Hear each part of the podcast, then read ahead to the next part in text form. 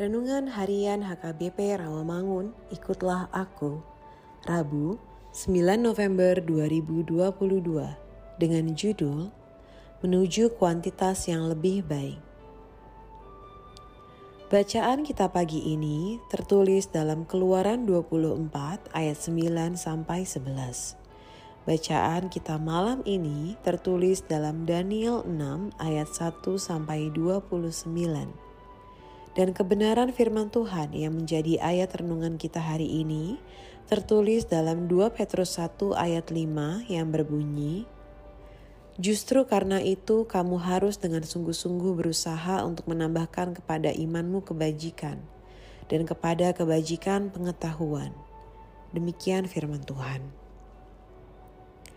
Sahabat ikutlah aku yang dikasihi oleh Tuhan Yesus Next level adalah satu keadaan yang lebih baik yang ingin dicapai oleh seseorang.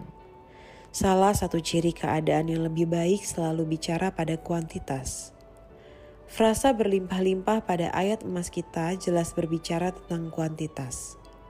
Tuhan Yesus mau kuantitas iman kita meningkat.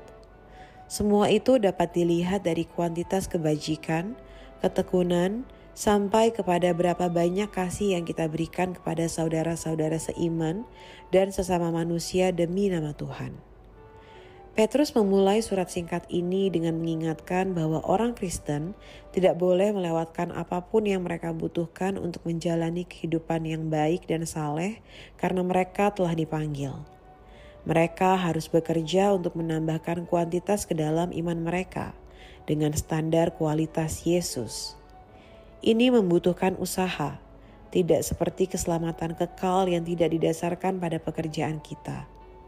Orang Kristen yang tidak menambahkan kuantitas dan kualitas sifat-sifat positif akan hidup sebagai anak Tuhan yang tidak produktif dan tidak efektif. Sama artinya, mereka lupa bahwa dosa-dosa mereka telah diampuni.